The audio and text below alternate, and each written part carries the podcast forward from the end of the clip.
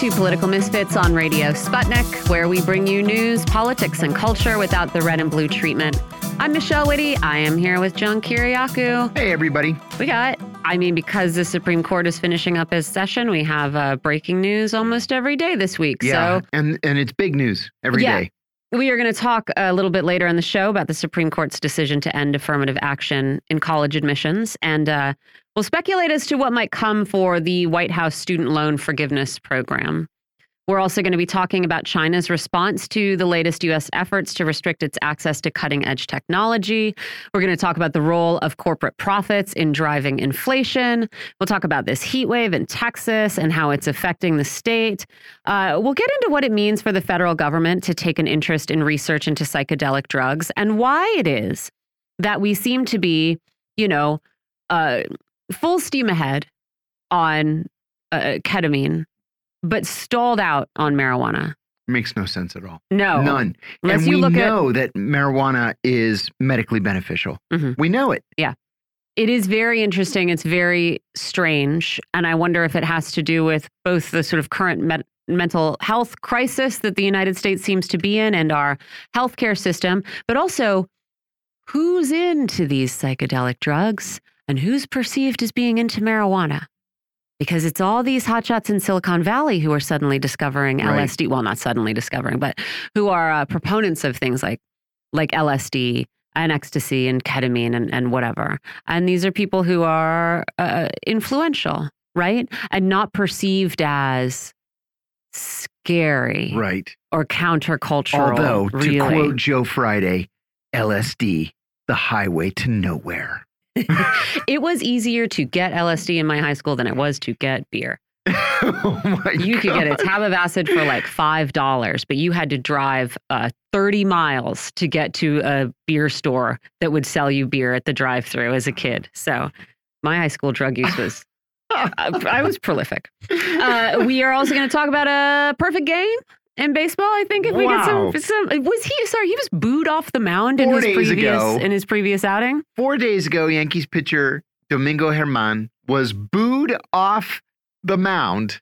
And last night, he threw a perfect game. I love it. I might cry just thinking about it. Sports makes me cry a lot. It's very emotional, The- right? oh, It was like, seriously, I just and the feel picture so of his proud of, face. of these guys. the picture of his face in the New York Times today as they're carrying him off the field, it just makes you melt. I gotta look at it.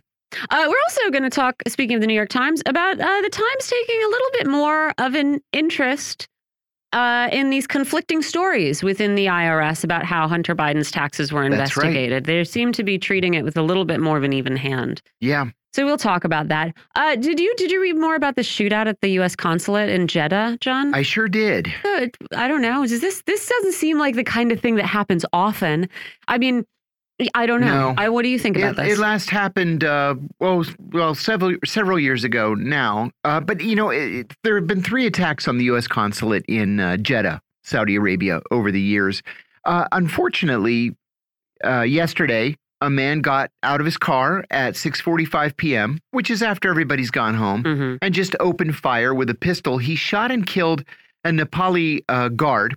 Uh, most of our embassies and consulates in the Middle East use Gurkhas, who are from Nepal, um, as security. Most of them don't have um, Marine Corps, uh, MSG, Ma- Marine Security Guards. Mhm. And so the Gurkhas are there on a contract basis. He shot and killed a Gurkha. Saudi police who were outside the consulate shot and killed the shooter. We don't know who he is. We don't know why he did it. Mhm. But, you know, it happens every once in a while. Yeah. Yeah, and usually I imagine. I don't know. Usually ideologically motivated. I would Usually. think if you're just going Yeah. to uh, Usually show up and die in front of a co- That's right. consulate. Usually they're, you know, Al Qaeda affiliates, uh, ISIS affiliates, occasionally pro Iranian or pro Hezbollah. Once in a while, they'll be just lunatics. Yeah, but it's usually ideological. That's what I would think. I also there are there are a couple of stories that I wanted to get into. One, um, boy, the Wall Street Journal, the Wall Street Journal, bless them, having a great time with all of these Jeffrey Epstein emails. Yeah. Really Yeah. keeping on top of this JP Morgan lawsuit, this Virgin Islands countersuit over who who facilitated Jeffrey Epstein's criminal activities Yes. more. Yes. and also, you know, uh, keeping a, a microscope on Jeffrey Epstein's friends. And in this case, Bill Gates. Yeah. And they have a big story about the kinds of questions that it appears women were asked in the process of interviewing to work in Bill Gates's private office, uh, and that men were not asked. The Wall Street Journal does make clear they spoke to they spoke to a number of people who interviewed for jobs at his private office. They said, of course, we can't determine whether any men were asked these kinds of questions that women were asked, but none of the men who spoke to us said they had been. Women, however, uh, were asked things like, had they ever, quote, danced for dollars? Oh, my. Uh, they were asked whether, one of the candidates said she was asked whether she had ever contracted a sexually transmitted disease. They were asked whether they had extramarital affairs, what kind of pornography they preferred, Oh, my. and if they had nude photographs of themselves on their phones. And now the the questioning was done by a third party contractor called Concentric, who has worked with the uh, Gates. It's not the Gates Foundation. It's Gates. I forget what what entity of the big Gates uh, conglomerate it is. And of course, they say, well, we are, you know, we, we are trying to look for blackmailable stuff. You know, we want to make sure we understand this person's full history because they're going to be working very closely with a very rich and powerful man, et cetera, et cetera. So I can I can see, you know, maybe saying, do you have naked pictures of you on your phone? Right. Because if you Don't- do, you should delete them. Yes, because he's a very high profile person and we don't want things exactly. to go south. But it is not really legal No. to ask a lot not. of these questions. It's not legal to ask about a candidate's health or psychiatric history before a job offer. You can't ask, have you ever gotten the clap? You know? There is not a black letter law against que asking questions related to sex, uh, said uh, an expert that the Wall Street Journal talked to. But, you know, if you take this information, you take some action based on it, uh, like rejecting the candidate, then you could get yourself sued. You know, my ex sister in law interviewed for a job as a uh, as a personal assistant to a major Hollywood uh, businessman, a household name. And she went through the whole process. Finally, it was down to three people. And she went to his house in Malibu, his oceanfront mansion, and in Malibu for the final interview. And he asked her right to her face to take her clothes off. Mm. She she ran out crying. Ugh. Yeah. Yeah. The um, security screening, according to Concentric spokesperson, says they are assessing a candidate's truthfulness and vulnerability to blackmail, which often starts with voluntary statements by the candidate and follow up questions by the interviewers. I'm just telling you this, John, because I feel like this is probably sort of familiar Sure. to you, this sort of process. Sure. But these candidates are saying, we didn't volunteer this information. Right. You asked us about it specifically. Unbelievable. We were told that our job offers were conditional on passing these assessments. And they have document. The Wall Street Journal says they have documents that, you know, contradict Concentric's um, statements. Uh, it also says they have to sign a, a, a disclosure form uh, that says, don't worry, we are not going to redisclose any information you've told us about sexually transmitted diseases. Oh Listen, God. again, the Wall Street Journal will admit they didn't speak to everybody who ever applied for this kind of job. And they also say that they spoke to some women who were not asked these kinds of questions, but definitely some of them were.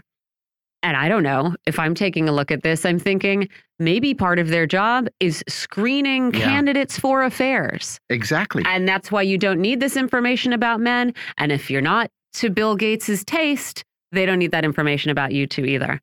I cannot imagine why you would why would you possibly need to know if someone had ever had a sexually transmitted disease or had one of them like why how could that possibly be relevant It to anything except to the- wanting to hide the affair from your wife? yeah. Takes us back to the movie Philadelphia. Mhm. Mm-hmm. Yeah, wild. So Bill Gates I mean, do we need more evidence that Bill Gates is a bad guy? At this point, probably not. the, ben pointed this out. You know, we're all waiting. We're waiting for this uh, decision, uh, the Supreme Court decision on the Biden administration's um, student loan Yeah. uh, forgiveness program.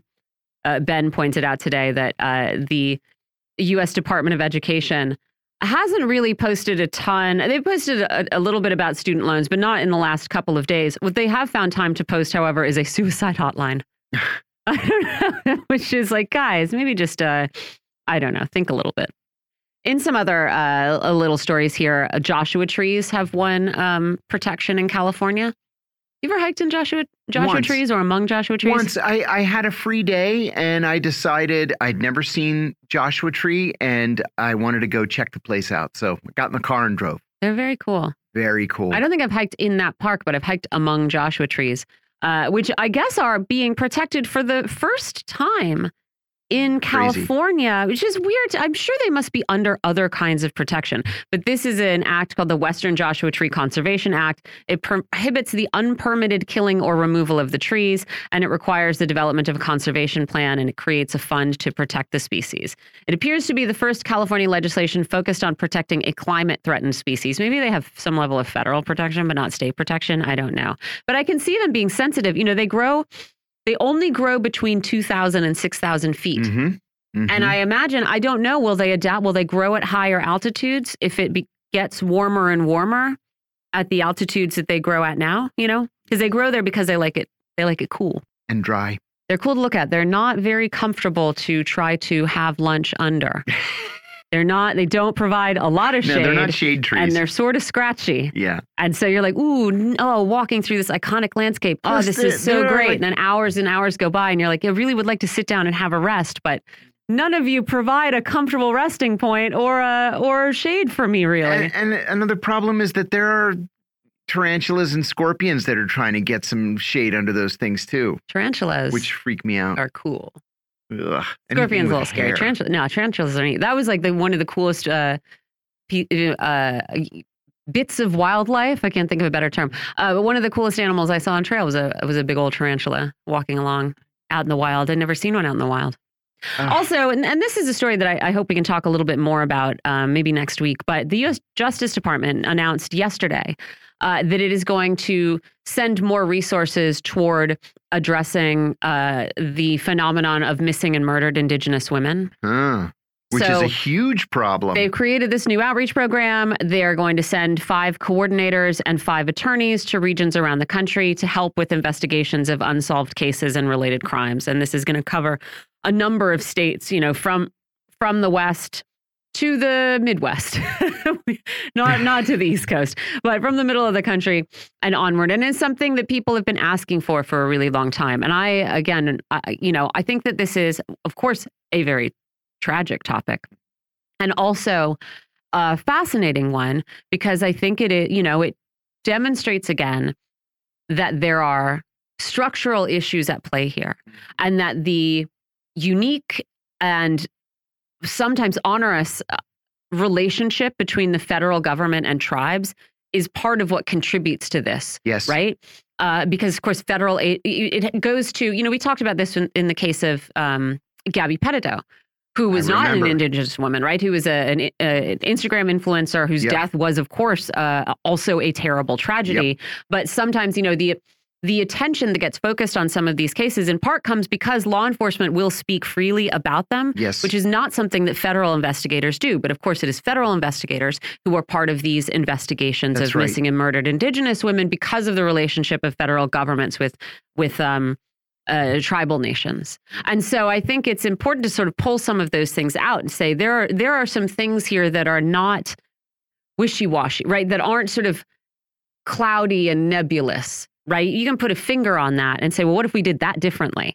And you don't have to change human nature or, or whatever, right? Of course, which is not to say that we shouldn't be working toward resolving these other sort of underlying issues of discrimination and racism. But the structures we have built on them are sort of easier to tackle and dismantle. And I think it's, I don't know, for me, it always is, is really interesting and useful to see how something as sort of uh, intangible as bias can become very tangible in these ways that you don't see and have tangible results. Mm -hmm. I find this really interesting, and I'm glad you know glad to see that they're um, that the DOJ is paying more specific attention to it. I'm happy about all that. I know we have our next guest on the line. I have some stuff Great. I really want to ask him about. So maybe... yeah, let's jump in. So um, as Michelle alluded to, the Supreme Court today ruled six to three to strike down affirmative action. This was in a case involving Harvard University and the University of North Carolina. The decision disavows race as a factor in achieving educational diversity, and the court has all but ensured that America's top universities will now be whiter and wealthier. In its majority opinion, the court said that university applicants can still discuss their race in their application essays.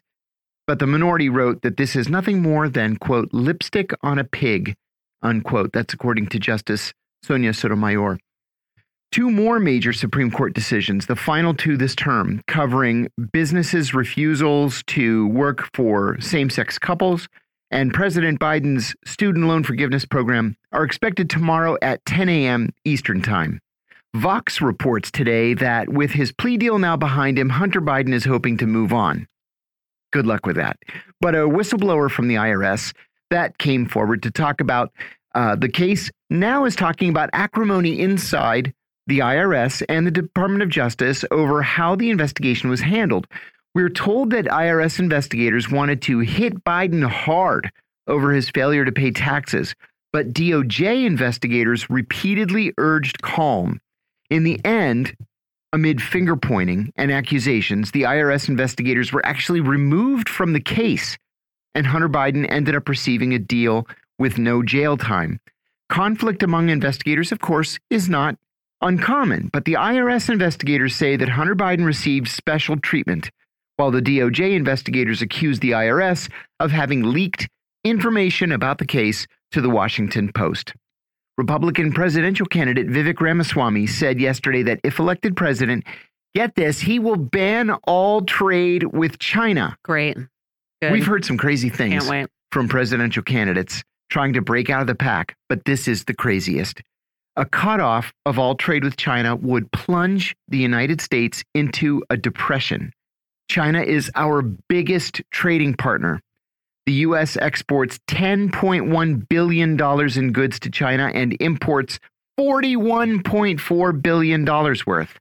And China is the largest single holder of U.S. Treasury bonds, something that they would certainly seek to get rid of in the event of a trade embargo. Either way, the result would be a depression, the likes of which we have never seen.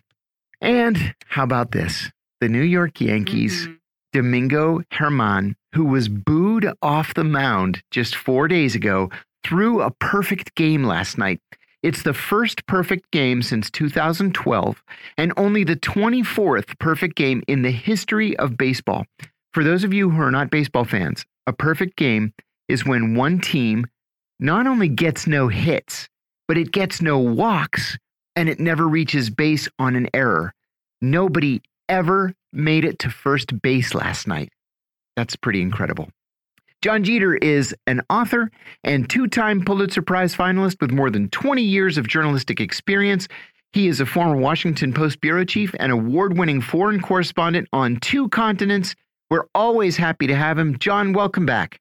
Thank you so much, John. I'm thrilled to be here. Oh, we're really glad to have you. And we have to begin with this uh, Supreme Court ruling on affirmative action. The, the court ended affirmative action in university administrations today after 46 years. The ruling was six to three. It was not unexpected. And it will undoubtedly make the country's top universities whiter and more upper class than they already are.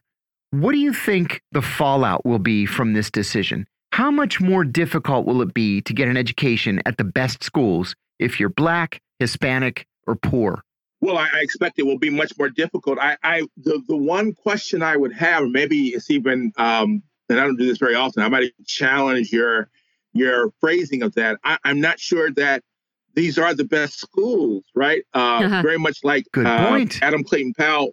Adam Clayton Powell told us many years ago, Harvard has ruined more Negroes than bad whiskey. uh, I, I think you know I think this might actually uh, uh, produce fewer Barack Obamas and and and Kamala Harris's and uh, people who have been uh, turned into uh, emissaries of this neoliberal and militaristic regime, and that could be a good thing. Um, and I think the other thing is, uh, hopefully, I hope I don't know if this will happen, but I hope certainly that maybe this will uh, increase funding to historically black colleges and universities, like the one that I went to, Florida A&M, uh, which have their problems, right? They have their issues uh, as well. But perhaps this will um, begin a new era for the black colleges and universities in this country, uh, one in which we will, um, you know, seek to, I guess, maybe deliver upon X's uh, promises or, or, a program of the politics of self-reliance, where we have black colleges that educate black people to serve our communities. Let's, let's face it, uh, we're losing affirmative action. What good has it actually done to the black community to have 50 years of affirmative action? Uh, it's done exactly, almost exactly what Richard Nixon intended uh, his expansion of affirmative, of affirmative action programs to do, which is to uh, further divide black from white. He knew this would create resentment among whites, and that's exactly what it's done. And coincidentally or not, um, if you go back into that period of time in the early 70s when affirmative action became a thing, you'll find that very few, I don't even know of any, uh, Black uh, leaders, civil rights organizations, labor leaders who were uh, big for affirmative action. What we wanted really was a um, uh, federal jobs program in which everyone had a guaranteed job at a at a guaranteed wage because we we knew, or at least our leadership knew, that um, affirmative action would divide the country even further and create resentment. So uh, this is not a particularly uh, big deal for me. I have to admit, I would be surprised to hear many Black working class people say that it's a big deal because, of course, they had no access to these universities and colleges in the first place. What I think you will see probably are uh, the the the children, the parents of uh, uh, in these aspirational ha- Black households uh, who you know want to create uh, many Obamas and to join uh, this, you know, to, to, integrate into this burning house, as Martin Luther King said. So, um, you know, I, I, hate to be, I don't, I know, maybe I'm not, maybe I'm the opposite of a of a of a naysayer, but I. I'm not very discouraged by this ruling and not at all surprised, of course. I do think the question of what has been achieved is an important one. Yes. And I mean, I don't know. Probably there are people who could say, no, this is this has happened, this has happened, this has happened, this has been good. But yeah, I do feel like I don't know. What if, you know, what what if as a result, what if as a result, in addition to sort of sending more funding to uh, historically black universities as well, you know, university got cheaper, university got more accessible. We got more sort of scholarships across the board that were easy to uh, easy to apply for. Wouldn't that increase actual diversity of of backgrounds and yeah? But I mean, I'm not going to hold my breath for that. Right. What if there was open admissions at one state university in in every city? Uh, and if there wasn't that state university, maybe you could create it. I mean, that you know, and that could be for everybody, right? Mm-hmm. I mean, that would be that would be much better than affirmative action. And just by coincidence, yeah. I, will say this too. I just want to say this very quickly. Um, I, by chance, I had a conversation with a young woman, 25 years old, from Virginia, very Republican enclave, she said, uh, and she was in law school at the University of Pittsburgh, and she was telling me about, in very earnest tones, very, she was very, uh, very emotional almost, talking about a class she had where she took with inmates at a local prison. Um, and she talked about how much she learned from that experience, not just uh, in terms of the class, but in terms of her, her exposure to these people who she otherwise would never have met. She said right. her best friend from the class was a young black man, right? Uh, who she would play tic tac toe with, her, you know, before class. And she talked about she saw how the guards would treat him, and she, she understood that was because the guards who were white were resentful of him uh, having access to this class, and so they would treat them in really very uh, acrimonious ways. And so I, I, I, say all that to say, really, I don't know if anyone's benefited more from affirmative, action than white people, uh, and that you've been exposed to a a, a a a a bigger and deeper humanity that otherwise I think it might be hard to be exposed to. And let me just end with this: it reminds me very much of um, uh, John. I think you and I are of an age where we might remember this. Michelle might be too young, but back in the 80s when Paul Simon broke the international boycott yeah. investment sanctions against uh, apartheid South Africa, he went and made this record with a Ladysmith Black Mambazo. Black that's right. Yeah, well, famous uh, uh, uh, group from KwaZulu Natal on the east coast of uh, of right. South Africa. And there was a question about sort of, I think they were questioning one of the leaders of this group, this black group in uh, South Africa, about you know uh, Paul Simon saving them, and he says, "I don't know that Paul Simon saved us. Our career was doing just fine. His was flagging." He said, "We were playing in London and Paris and all over the all over Europe." He said, "I think we might have saved his career." And so I tell that to say, I, I, I, you know, I think the narrative around affirmative action uh, might not be quite right in terms of, you know, who's really going to suffer. Oh, nice take. We're still expecting two more major decisions to come from the Supreme Court tomorrow, John. The first is whether business owners can refuse to do business with same sex couples uh, based on their religious faith, and the other is regarding the legality of President Biden's student, student loan forgiveness program. This is a pretty conservative Supreme Court, but what's the difference? And I mean this literally, this is not a rhetorical question. What's the difference between saying that you don't want to do business with same sex couples? And saying that you don't want to do business with African Americans or Jews or any other group. I don't want to make a prediction, but certainly the court can't allow people to hide their bigotry behind their religion, right? I don't know. I, I, I you know, I just think that you know we've been we've been we're so accustomed now to these sort of dumbed down Supreme Court decisions, yeah. which make no sense. Dating back, you know, I'm sure it goes back further than this, but I remember the was it was it Justice Ginsburg, uh, Bader Ginsburg, Ruth Bader Ginsburg, who ruled um, against this uh, uh, indigenous tribe, Native American tribe, on the basis of some uh, papal law that they dated back 500 years. Oh, you know, man. I just think that uh, the the law has been so sort of subverted that they can almost do anything they want. Uh, if you look at what they they did with, of course, the uh, reversing abortion, you know, they're they're relitigating the 20th century. I have no idea what to expect from this court. I think that they are so politicized, and then of course they're, they're under such fire that they have to be to some extent conscious of the um, the pushback, but at the same time, I think they're kind of they are literally insulated. They really are in this chamber, and they're insulated and, and kind of I must feel immunized from any kind of public repro- reproach or rebuke. I have no idea what to expect. I, I guess if you ask me to bet, I would I would imagine that they would allow uh, businesses to discriminate against gay couples, and that they will reverse uh, Joe Biden's um, uh, student loan program, which is really nothing. Uh, that's my guess, but I have no idea. And I think I do think there is some consciousness of the fact that they are um, that they're they're on uh, they're under much more intense scrutiny now than they were, say, a year ago. I'm very intrigued too by the IRS whistleblower in this Hunter Biden case. Uh, by all accounts, this guy's a very serious person. He's been an IRS investigator for 16 years. He's a civil servant. He has no political connections. And he's talking about major pressure on the case having come from the Justice Department. Like I said in the intro, it's not unusual for there to be disagreements between investigators and between agencies, even. But the stakes here are very high. And a lot of Americans believe that Hunter Biden got a sweetheart deal. Do you see this going anywhere? Or is the Hunter Biden story over, other than the fact that the Republicans are going to use it as a, as a campaign issue? I can't imagine that, that it's over. I mean, it just seems like this story has legs. I don't know what the truth is, but it, it certainly there's the appearance and, and, and on multiple levels yeah. of wrongdoing. And this Hunter Biden case that dates back to, of course, the discovery of this laptop and the, the media all singing the same tune and saying that it was nothing. It didn't amount to anything. Of course, it did amount to something. And apparently, the reports now come out that the FBI knew all along that uh, it, it, it was something.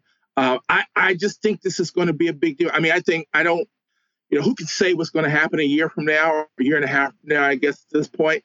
But um, this seems another uh, another factor in what I expect to be Joe Biden's inevitable defeat, if he, in fact, he makes it to um, through this campaign period. I still think it's a very open question about whether or not the Democratic Party replaces him with someone I don't know who.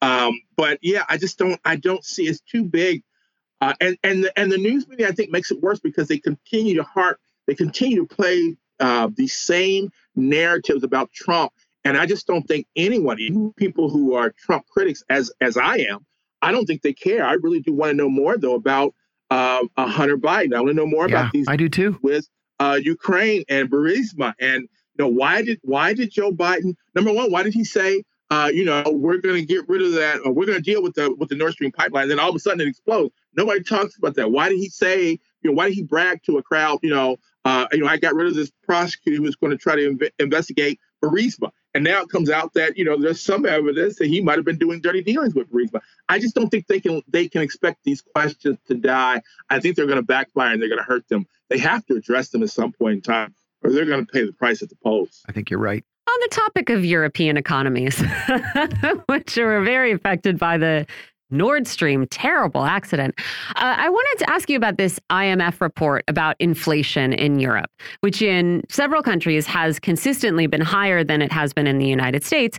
Uh, and this report found that, what do you know?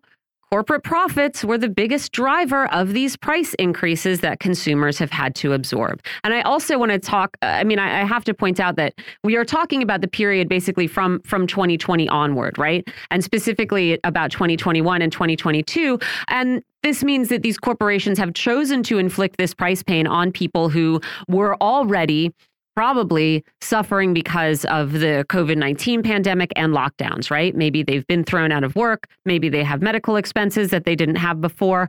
Um, this was the time that corporations decided, hey, yeah, let's uh, let let's kick them while they're down.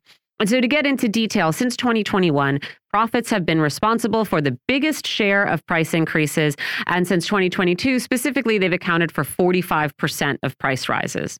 Import costs have accounted for 40% of inflation. Labor costs have amounted to 25. Uh, wages, of course, have been slow to catch up to inflation, not even really coming close in the United States. And the report concludes by saying if wages do catch up, and in Europe, you know, people are agitating for them to do so, the share of profit in these prices is going to have to drop to its lowest level in decades since the mid 90s if they're going to get their inflation rate down to its target. And so obviously this is about Europe, but we're talking in a lot of cases about the same corporations. And so I think it is is useful for us as Americans to take a look at. And I feel like it just demonstrates again the measures we're told fight inflation that we're employing to fight inflation, interest rate increases are not going to do anything about the biggest driver of this phenomena. And so I guess regular people who want to buy homes or cars who are watching their rent go up who's watching every every price go up because of inflation we get to suffer so that corporate profits can remain untouched for as long as possible. I mean i don't i don't see any other conclusion to draw from this. Uh, this this is an extraordinary historical moment uh, not unprecedented but it is extraordinary. Uh, what we're seeing is in the western world we're seeing particularly since the Great Recession, which was a product of a over speculation in the housing market, um, subprime mortgages, which were uh, uh, doled out uh, primarily or disproportionately to black and brown uh, uh, borrowers.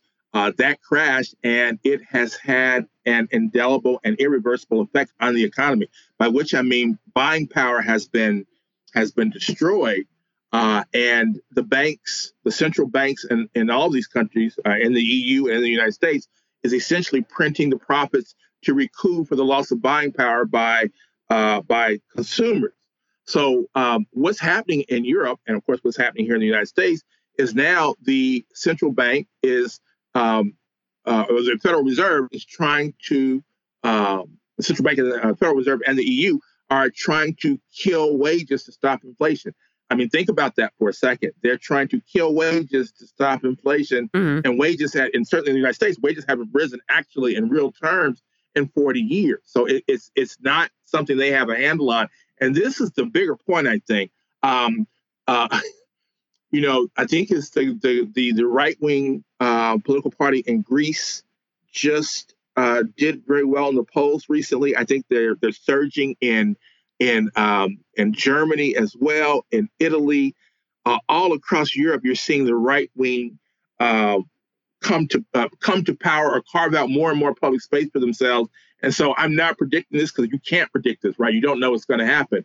But the circumstances on the ground in Europe and in the United States are starting to resemble uh, very much what happened in Nazi Germany uh, in the uh, or to the Weimar Republic, I guess, in uh, in the early uh, mid 30s. Well, it just feels like it, should say something uh, to us about a government that that says it is working on our behalf, right? right? That says it's oh we're yes. undertaking reforms to protect us, et cetera. And I, yeah, I, I, agree. I feel like. Uh, this is what you know. What passes for the the sort of mainstream left in the United States is is saying, but people, it's it's very clear. You can watch them not do what they say they're going to do. And I do, I agree. It, it, creates a situation that is ripe for uh, something really radical to arise. And as long as this sort of uh, you know the the center party of the Democrats and the uh, media that's beholden to them spend all of their time crushing the left, what is going to arise is going to be something very frightening.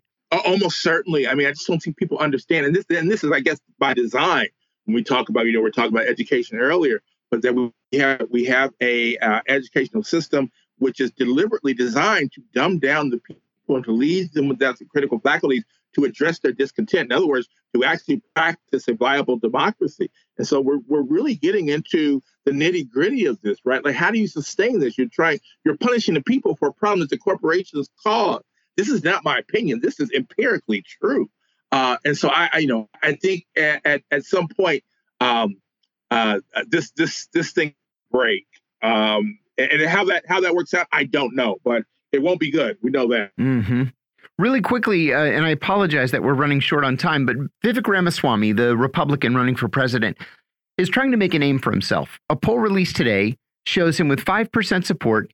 That's a far distant third place behind Donald Trump and Ron DeSantis. So, apparently, in an effort to break out of the pack, Ramaswamy made this ridiculous statement that if elected president, he would cut off all trade with China. The economic results would be catastrophic, of course. Tell us why he would say something like this, whether he believes it, and what the fallout could be, both economically and politically. I have no idea. It's one of the and, and, think about what I'm about to say here. It's one of the dumbest statements I've ever heard oh a, a, a really? political candidate for office say. I, I mean, ten trillion dollars in trade with China represents almost one half of an annual of our annual GDP. That is insanity. I mean, he would not plunge just the United States into a recession, but the global economy into the deepest recession it's ever it's ever seen. It just it's an extraordinary statement, and it should disqualify. Really, we should disqualify him from even running for president on the on the grounds that he's a moron. Yeah, we really yeah. should. That's just the dumbest thing Seriously. I've ever heard. And he's a businessman, which is just a mystery to me. But anyway, right, right, right. Which might which might be a, a, a redundant to say that he's a businessman and a moron. No, seriously, seriously. Jon Jeter, thank you so much for joining us. Jon's an author, and he's a two-time Pulitzer Prize finalist with more than 20 years of journalistic experience. He's also a former Washington Post bureau chief and award-winning Ford correspondent on two continents. Uh, do we have our? Yeah, we, we, we can do. go right into our next Let's talk uh, about Texas. Our next topic, which I think is is wow, very important, at least for me. Air conditioning has become nearly universal across the South over the last 30 or 40 years, with one exception in prisons. Although 95% of households in the South use air conditioning, including 90% of households that make below $20,000 a year, states across the South have refused to install air conditioning in their prisons, creating unbearable and dangerous conditions for incarcerated people. The lack of air conditioning in southern prisons creates unsafe, sometimes even lethal conditions. Prolonged exposure to extreme heat can cause dehydration and heat stroke, both of which can be fatal. It can also cause people's kidneys, liver, heart, brain, and lungs uh, to fail. It can lead to renal failure, heart attack, and stroke.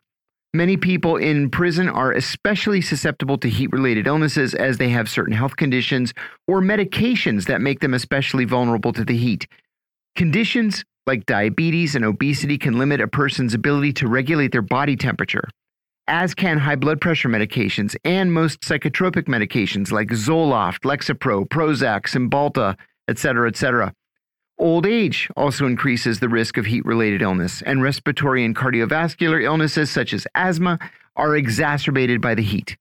In Texas, a state that has air conditioning in all inmate housing areas in only 30 of its 109 prisons, a high percentage of incarcerated people are particularly vulnerable to the heat. Courts in Wisconsin, Arizona, and Mississippi have ruled that incarceration in extremely hot, or extremely cold temperatures violates the Eighth Amendment. That's the ban on cruel and unusual punishment. But these court cases have not had a national impact on air conditioning in prisons. As Alice Speri of The Intercept explains, quote, there is no national standard for temperatures in prisons and jails, and as jurisdiction over prisons is decentralized among the states, and the federal system and jurisdiction over jails is even more fragmented among thousands of local authorities across the country, Fights over excessive heat in detention can only be waged facility by facility. We're going to talk about that with Brandon Hanson. He's a Houston based organizer for Jailhouse Justice Campaign, which is involved with organizing against the deaths in Harris County Jail, roughly 30 last year and nine so far this year. Brandon, so glad to have you. Thanks for joining us. Thanks for inviting me, y'all. Brandon, I was incarcerated in Pennsylvania for two years, not known for being a particularly hot and humid state. We didn't have air conditioning either in our prison. Only the guard booths and the warden's office had air conditioning.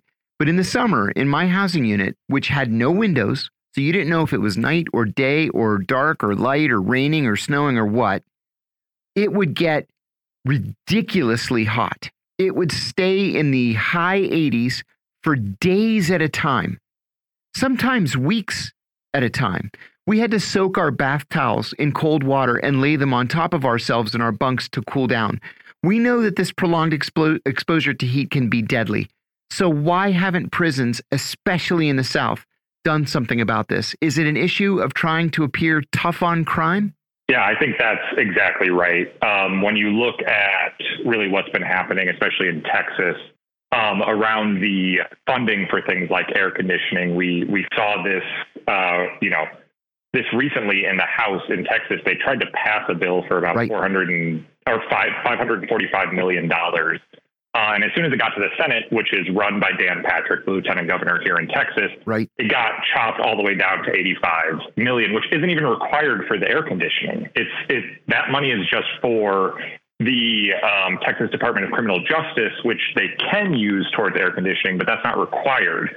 Um, so in Texas, it really seems like the state, especially people like Dan Patrick, the the governor, uh, Greg Abbott, are looking at uh, people in prisons across the state and saying, well, you know, that doesn't matter. That's that's not something that we need to take care of. And by not providing the air conditioning, they can also say, look, these are you know, these community members are criminals, so they don't deserve air conditioning, something along those lines, especially when we see what they've done with that funding that was specifically supposed to help out with this issue. State courts in places like Wisconsin, Illinois, and Ohio have ruled that this prolonged exposure to heat in prisons is a violation of the Constitution's Eighth Amendment prohibition on cruel and unusual punishment. So, air conditioning was installed in prisons in those states. And I will add that of the southern states, only Arkansas has air conditioning in all of its prisons. In 2017, a federal judge ruled that Texas was indeed violating the Eighth Amendment. But instead of installing air conditioning, back in 2017, the state bought more fans for its prisons and ordered guards to give prisoners easier access to ice water. Tell us what it's like in the summer months in prisons in Texas, even with fans and ice water. Um, I mean, last Friday, uh, outside it was roughly 100 degrees, but that wasn't even like the real feel temperature out there, as right. they say. You know, it was 120 with that. So take that temperature, that's just outside with the breeze, everything like that, and instead, you know, put that in a uh, enclosed space with lack of ventilation, lack of things. And they say, oh, hey, you know, the Texas Department of Criminal Justice saying, "Oh, we're giving them fans. We're saying they're supposed to be uh, people in prisons are supposed to be allowed cold showers or ice water," but people aren't actually being given those things. There's stories from inside prisons where the guards are just refusing to give people water. They're refusing to give them that opportunity for cold showers or personal fans. And a personal fan, really, when you think about it, okay, you get a little handheld fan, yeah. it's 120 degrees in there you're just blowing hot air at yourself. You're That's not right. allowing your body to cool down, which is really what needs to happen in Texas. And right now we're in a extreme uh, temperature situation where we're having 100 plus degree days just as the base temperature.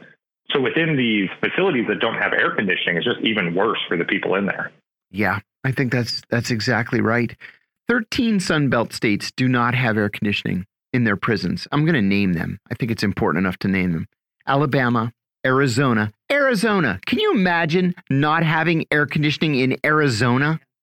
Uh, Alabama, Arizona, Florida, which is also crazy hot, Georgia, Kansas, Kentucky, Louisiana, Mississippi, Missouri, North Carolina, South Carolina, Texas, and Virginia, which is supposed to be a blue state. And this lack of air conditioning can have fatal consequences. Last year in Texas, 11 prisoners died of heat related uh, maladies, and 19 prison guards had to be treated for heat related issues.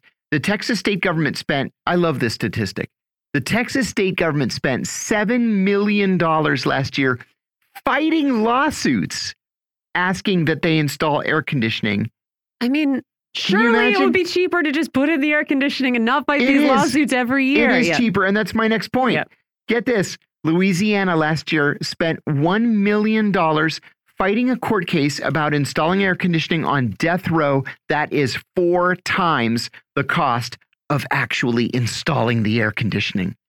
And another problem, and I just read this in the New York Times today. Coincidentally, there was a New York Times article today about this issue.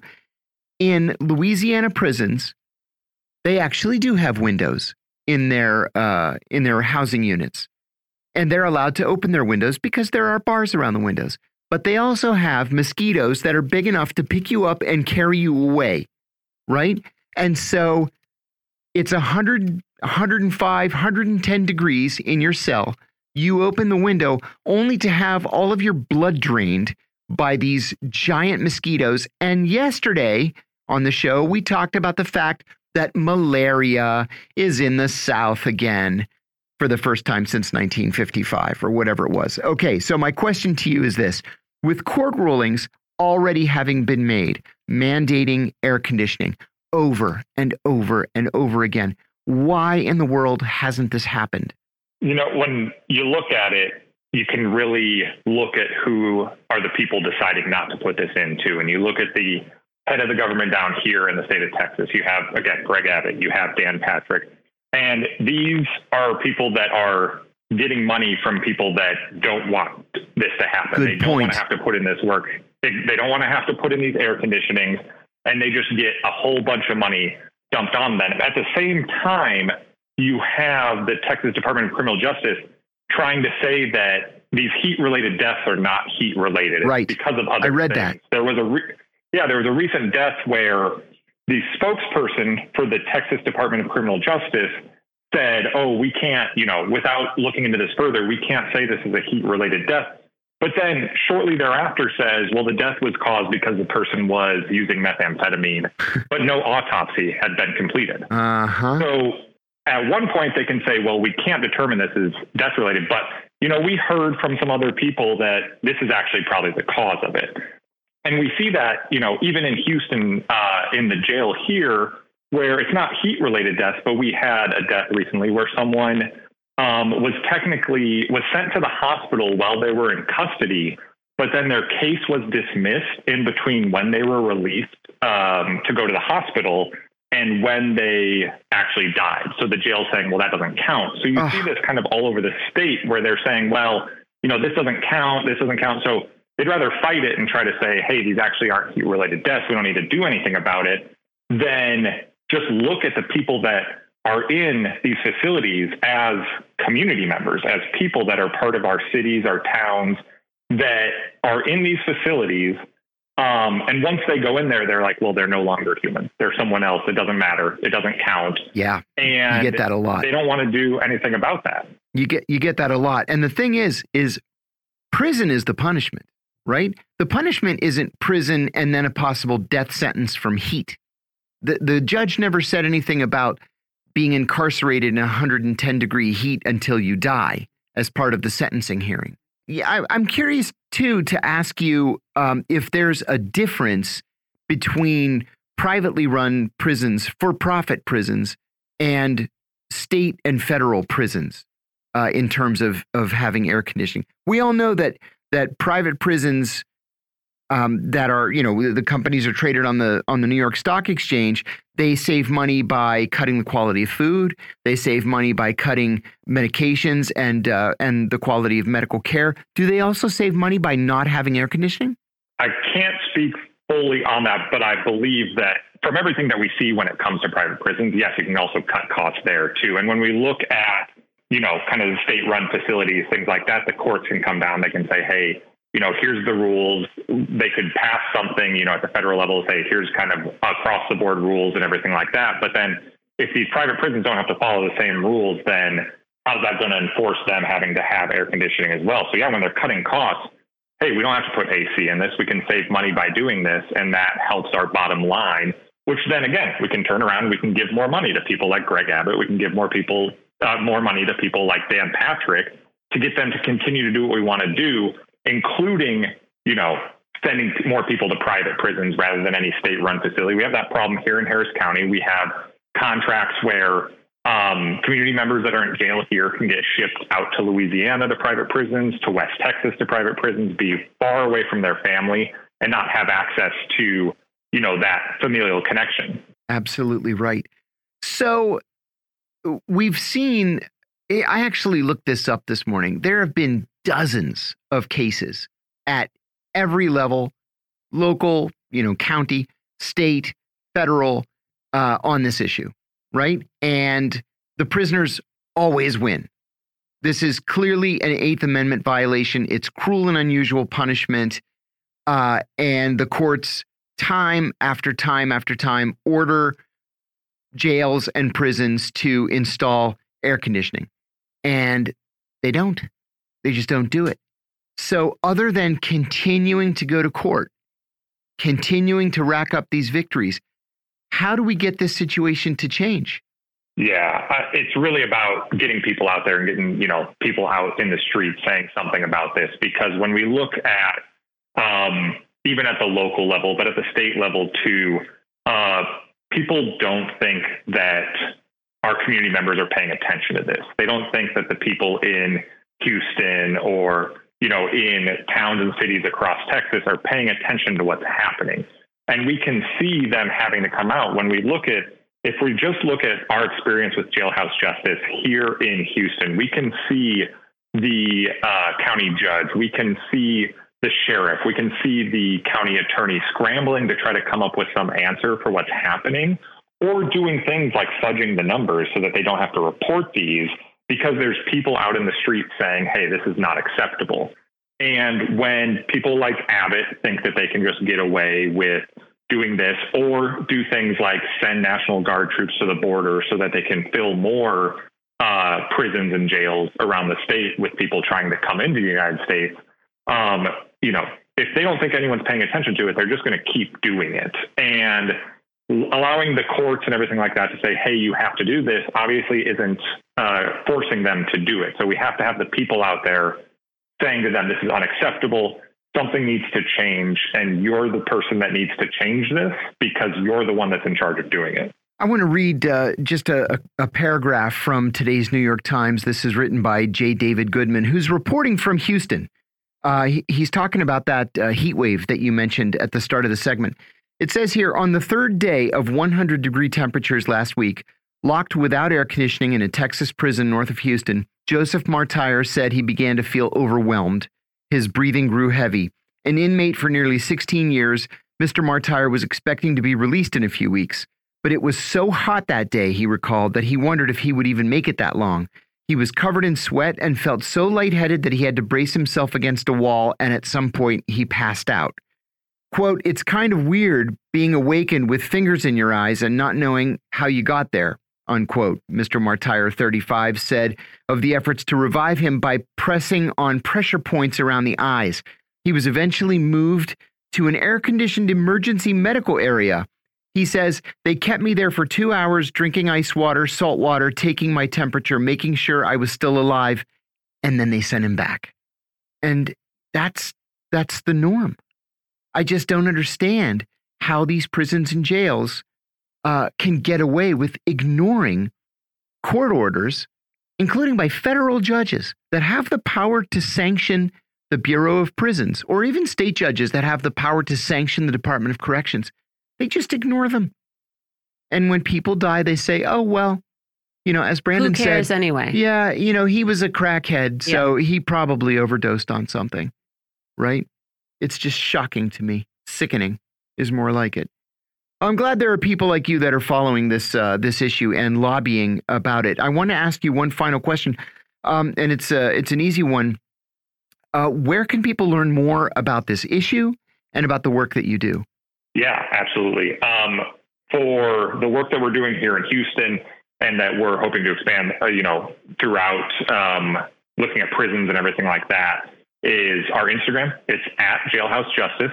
Super easy to remember. Um, and you can just follow us there. We have updates on everything that's happening in Harris County, what's happening with the Harris County Jail here as well.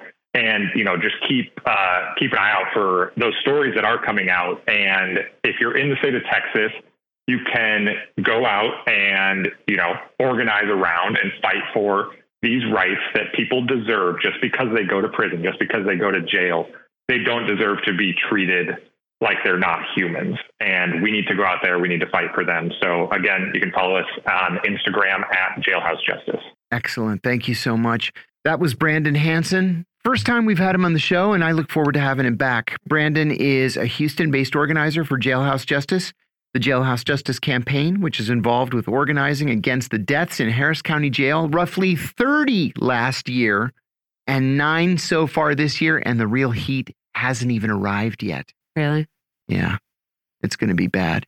Also, all the headlines, in addition to the heat, we have that Canadian smoke still, extreme air quality levels uh, all over the United States right now. They've declared a state of emergency in Pittsburgh today. Uh, places are shut down. They're telling people to remain indoors. Yeah. My dog's getting a short walk. I think we'll all be fine. Uh, there's a story that I, we definitely don't have time to talk about in this uh, 60 seconds we have before we take this hard break, but maybe we can pick it up toward the end of the show because it's just something that we were both laughing about, and that is Nick Kristof in the New York Times talking about Mohammed bin Salman as the wannabe Putin in Saudi Arabia. And uh, basically, all of this kind of rests on the assumption that we can learn from our supposed mistakes in our relationship with Vladimir Putin over the last 25 years. Right. We can learn from that history and apply it to this new and still emerging relationship with Saudi Arabia, where it's like, yeah, MBS might not have been on the scene as long as Vladimir Putin, but you're trying to you're trying to act like his dad yeah, was really different. yeah, like the exactly. whole history of absolute monarchs that we have out. engaged with in Saudi Arabia are somehow different. It's it's wild. And this is again, this is a man who's uh, you know, supposed to be wise enough to show up there in the in the pages of the New York Times. All right, we'll Yeah. get into this more later. You're listening to Political Misfits on Radio Sputnik. We're live in DC and we'll be right back.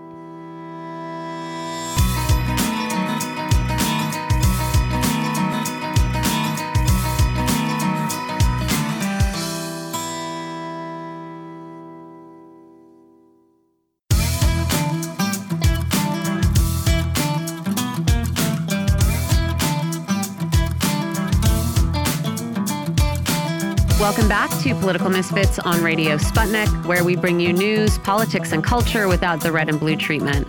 I'm Michelle Witte. I am here with John Kiriakou, and I wanted to take a look at some of the United States' most recent efforts, uh, or rumors of recent efforts, uh, upcoming efforts to curb China's ability to access the highest of high tech. Uh, this has been a process that's been underway for a while now, and we just keep uh, raising the bar, or rather lowering the bar, as to what level of sensitivity is acceptable when it comes to selling uh, semiconductor chips to China. We're also going to talk about China's most recent reaction to this process because it doesn't seem like they are going to take our effort to uh, throttle their economic development lying down. Joining us to talk about what is going on here is Dr. Kenneth Hammond. He's a writer and he's a professor of East Asian and Global History at New Mexico State University. Thanks for joining us, Kenneth. Glad to be here. So, there are these rumors that the U.S. is considering new restrictions on the export of artificial intelligence chips to China, and in particular, chips made by NVIDIA and advanced micro devices.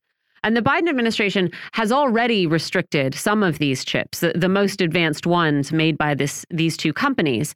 Um, NVIDIA responded to that change last year by making a chip especially for the Chinese market that fell just below the performance thresholds that the Biden administration has set. And now the White House might drop those thresholds lower and cut off those chips too.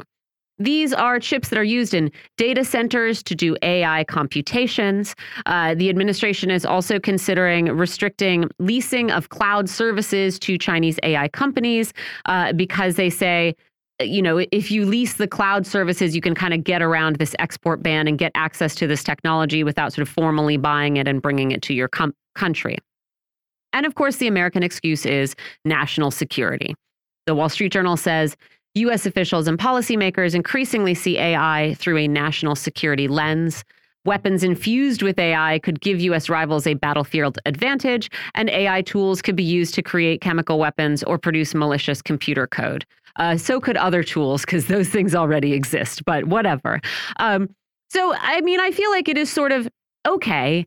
You don't want your companies to help your rivals' military development specifically. That seems you know, understandable. Except all of this technology that we're talking about has far more applications than than military ones and are in fact not even primarily used for military purposes at all. And so, you know, uh, China sees these technology restrictions as an attack on its economy and on its trade relationships. And I wonder if you could talk to us about how China sees these restrictions uh, and why these advanced technologies are so important.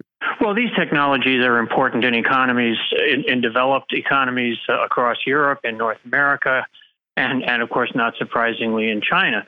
Uh, this is one of the key growth sectors. This is an area that everybody agrees has tremendous potential for uh, future development. You know, we have all these things going on with AI, all this stuff going on with cloud computation, and that's you know that's something which is kind of inherently boundaryless, and yet here we see the United States, you know, once again trying to impose its hegemonic control.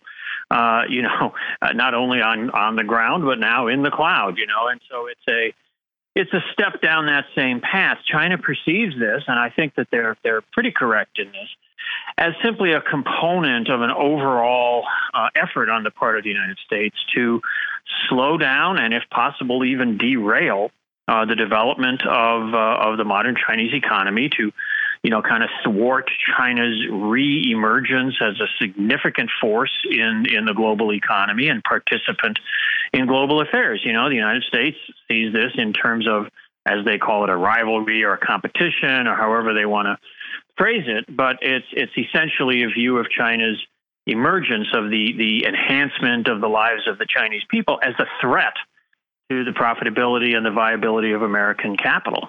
Yeah, and I mean, I feel like uh, again, we're you know we're talking about these. I don't know what these semiconductor chips. Are, you know what I mean? I can I can read what people tell me they do and go, okay, I guess they can be used to make chemical weapons. But we're talking about AI applications just across the board, right? And it feels like as the U.S. increasingly tries to restrict uh, this technology, you know, if it is simultaneously being incorporated into, I don't know, medical devices, right? Uh, just anything technological.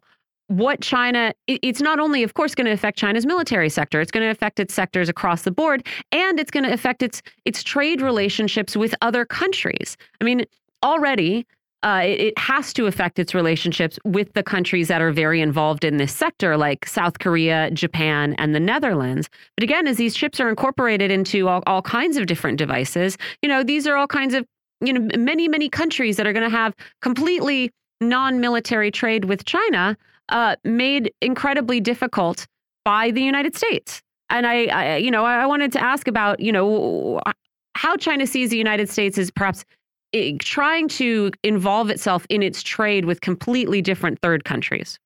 Well, that's it. The United States, it's not just a matter of the United States telling American corporations what they can and can't do, but this is a pretty clear demonstration of how the United States basically views uh, the global capitalist order as its uh, its realm of dominance, and it feels that it can tell countries like South Korea and Japan and the Netherlands, and basically everybody else, uh, what to do, and uh, and to be able to impose.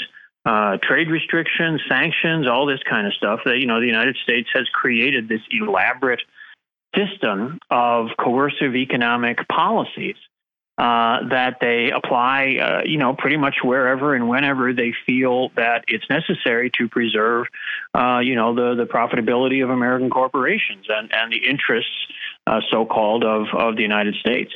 Uh, you know, and and so uh, you know these these obviously these other countries and and and corporations they're interested in sharing in the phenomenal growth that's taking place in China. The Chinese economy already certainly the second, uh, by some measures, the largest economy in the world, continuing to grow at a rate, you know, two, three, four times that of the United States.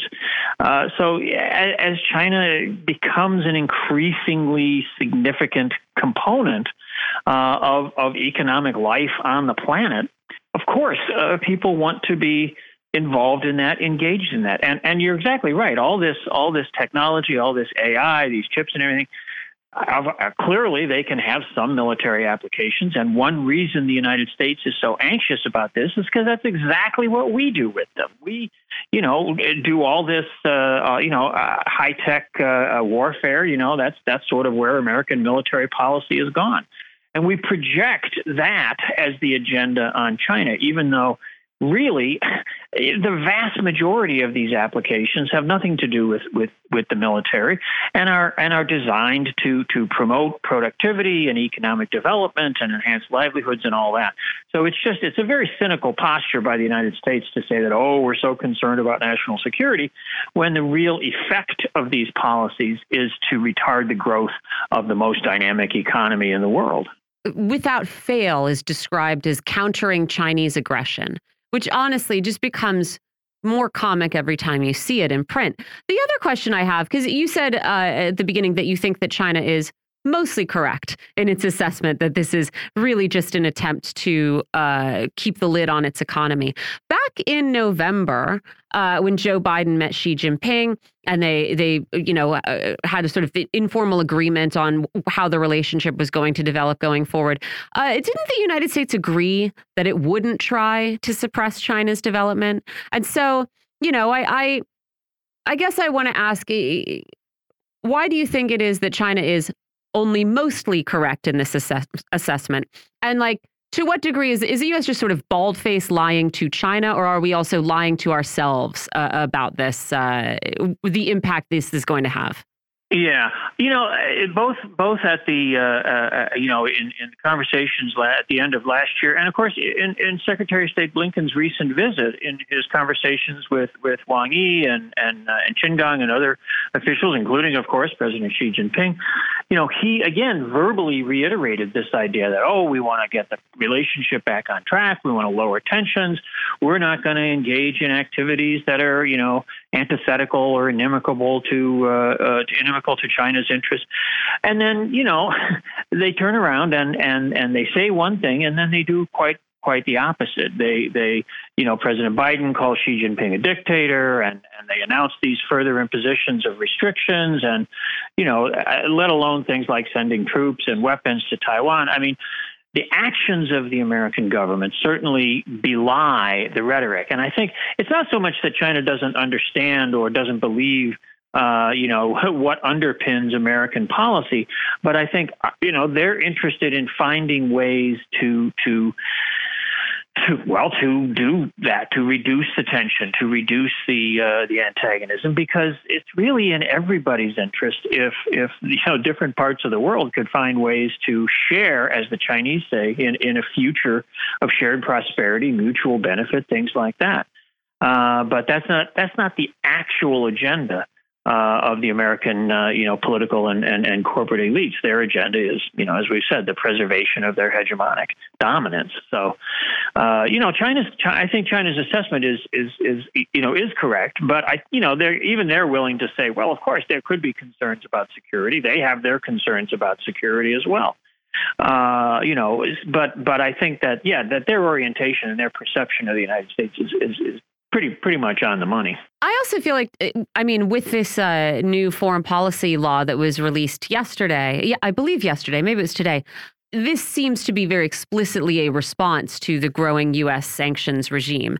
And as I understand it, this new law doesn't introduce any specific new tools, but it gives the government the the right and direction to take countermeasures against what it describes as acts that violate international law and the basic norms governing international relations and endanger China's sovereignty, security, and development interests. And so, you know, it, it doesn't seem like China is going to sit back and just allow the United States to, uh, you know, encircle its economy. And so I wonder if you can talk to us about you know, what it is that the Chinese government is saying here and what some of these countermeasures might look like. Well, they're, they're very clear in this. The law comes into effect July 1st, so, so on Saturday. And, and this is, as you say, it, it doesn't really introduce new things, but it makes a more a more comprehensive and a more focused effort to direct uh, uh, state resources and the resources of the legal system towards, you know, kind of countering and and buffering uh, the actions of, of the United States or other uh, international actors uh, that are designed to to you know pursue this this program of, of coercive policies, coercive economic policies in particular, uh, and to promote instead. Uh, you know the the orientation of, of win-win and mutual benefit and you know shared prosperity and all these things that that are the foundations of China's international uh, you know, policies. And they, the, the law specifically incorporates or endorses uh, the, the, these recent initiatives, the Global Security Initiative, the Global Development Initiative, the Global Cultural Initiative that China has been announcing, um, because these are efforts to build cooperative, collaborative, developmental networks that are not dominated by one power. These aren't things that that you know China's going to run the rest of the world via. These are things that they want to see other countries, other developing countries, other countries that are trying to you know improve their economies and enhance their their people's lives. You know they're trying to promote these uh, these initiatives, and now they've given that a little more force by uh, you know by passing this sort of comprehensive foreign relations law. I think that you know China has been working for a long time to develop alternative um, uh, international settlement mechanisms so that countries aren't entirely dependent on a system of dollar settlements that's controlled by the United States. That's what gives the United States the ability to maintain its sanctions regime, and they're trying to develop ways to to not be subordinate to that. They're promoting the renminbi, which is now the fifth most widely utilized currency on the planet. Uh, you know, so so they're trying to develop ways that other countries can get out from under the dominance of the United States. And I think that again, that all of that is kind of bundled in with this new uh, this new Foreign Relations Act. It is interesting to me to watch uh, countries you know, kind of try try to walk this line and react when they, you know, feel that they're they're being pushed to pick the United States or China because I don't know, from my perspective, the United States just looks like a you know, a, a sort of moribund entity that relies on nothing but but war and defense for its economy. And it seems like the choice is pretty clear. But we do have a lot of dithering, uh, even, you know, especially among U.S. allies in Europe, who for most of the last year, I would say, have been really going along with the United States. We've seen, uh, you know, increasingly hostile statements coming out of NATO about China, coming out of the G7. Uh, but Politico writes that uh, the EU in particular might be looking to turn down the heat. And that statements on China coming out of today's European Council summit are probably going to be far less hostile to Beijing. And, uh, you know, that this reflects splits even within the leadership in Brussels, not to mention among you know the EU members themselves, on how to how aggressive to be with China. Within Brussels, you know, you have Ursula von der Leyen, who is sort of the bad cop, and Charles Michel, the less bad cop. Um, I don't know. I mean, we'll see what comes out of this uh, European Council summit. The EU also, I think it was last week or, or a week or so ago, put out this economic security strategy that basically mirrors some of the stuff that the United States has been doing. Uh, but it does seem to me that Europe is wanting to pump the brake a little bit on uh, just following the United States into you know a, a, much more hostile position regarding China. And I, I, wonder if you have any thoughts as to what Europe is doing here and which way the wind is blowing there. Well, I think the Europeans kind of kind of find themselves in a, in a difficult thing. They're they're certainly uh, squeezed by American uh, political and economic pressures.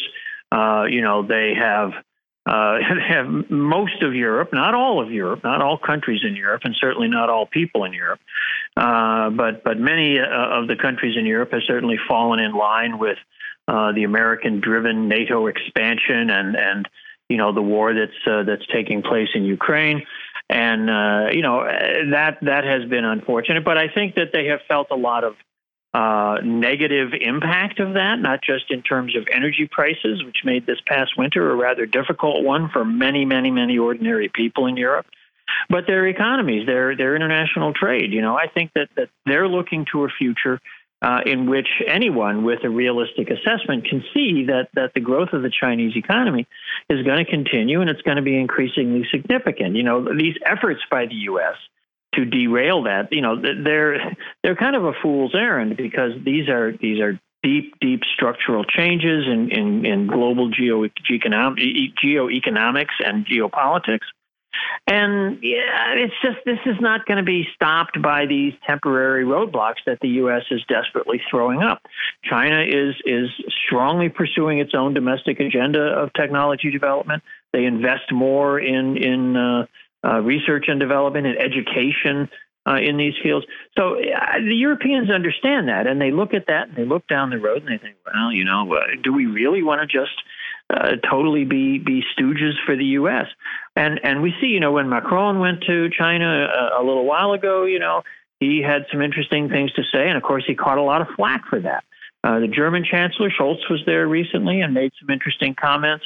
You know, so I think the Europeans are, are chafing under the bit uh, with American dominance. And I, I, I, you know, I look forward to to what the council statements say today, uh, and and we'll see. But I, I, I think that going forward, the Europeans are going to be trying to navigate more carefully in terms of their relationship with China, because really that is the future. I also wonder about you know the the real historic parallels here when we when we call our relationship with China you know Cold War Cold War 2.0 the new Cold War I don't know. I I am going to risk, you know, my historical memory being completely wrong, but it does seem a little bit like this economic competition with China is is not an exact parallel with our economic competition with the Soviet Union, right? And China seems like a, you know, as you say, uh, the the choice here is clear. Like this is the these roadblocks are not going to uh, cause China to implode right? And so I, I wanted to talk about, you know, the the historic parallels of of using economic sanctions and restrictions like these in a Cold War and where, you know, these two Cold Wars diverge. Yeah, I think that that you know, I, mean, I use that terminology too. We talk about the the new Cold War and all that, and I think that that that addresses a, a fundamental feature of the present period, which is this sort of uh, division, uh, uh, largely, you know, being promoted by the United States, trying to divide the world into a two camp uh, sort of situation and saying, you know, you're either with us or you're against us, and, and having that kind of view, which was very characteristic of, of, of the Cold War against the Soviet Union. But it is very, very different in, in some fundamental and, and very important ways, in that, you know, the economies of the United States and China, of Europe and China, of the rest of the world and China are intimately interconnected and have been increasingly so, you know, over certainly the last 40 years. You know, China, along with Japan, uh, China and Japan are the largest holders of American public debt uh, trillions of dollars in, in, in treasury debt and things like that. Uh, obviously, anybody who's ever walked in the doors of a Walmart knows that uh, that you know a lot of Chinese products are meeting the the demands of American consumers, and so this idea of sort of delinking or or you know somehow uh, I know that there's some some recent political uh, candidate who's been saying that if he's elected he's going to totally cut trade with China. You know this kind of talk is just silly because these economies are so deeply intertwined, which is why these reckless policies, particularly around Taiwan, which seem you know, mindlessly devoted to trying to provoke some kind of violent clash, uh, are so threatening because that would that would devastate the American economy, uh, let alone what would happen on the other side of the Pacific.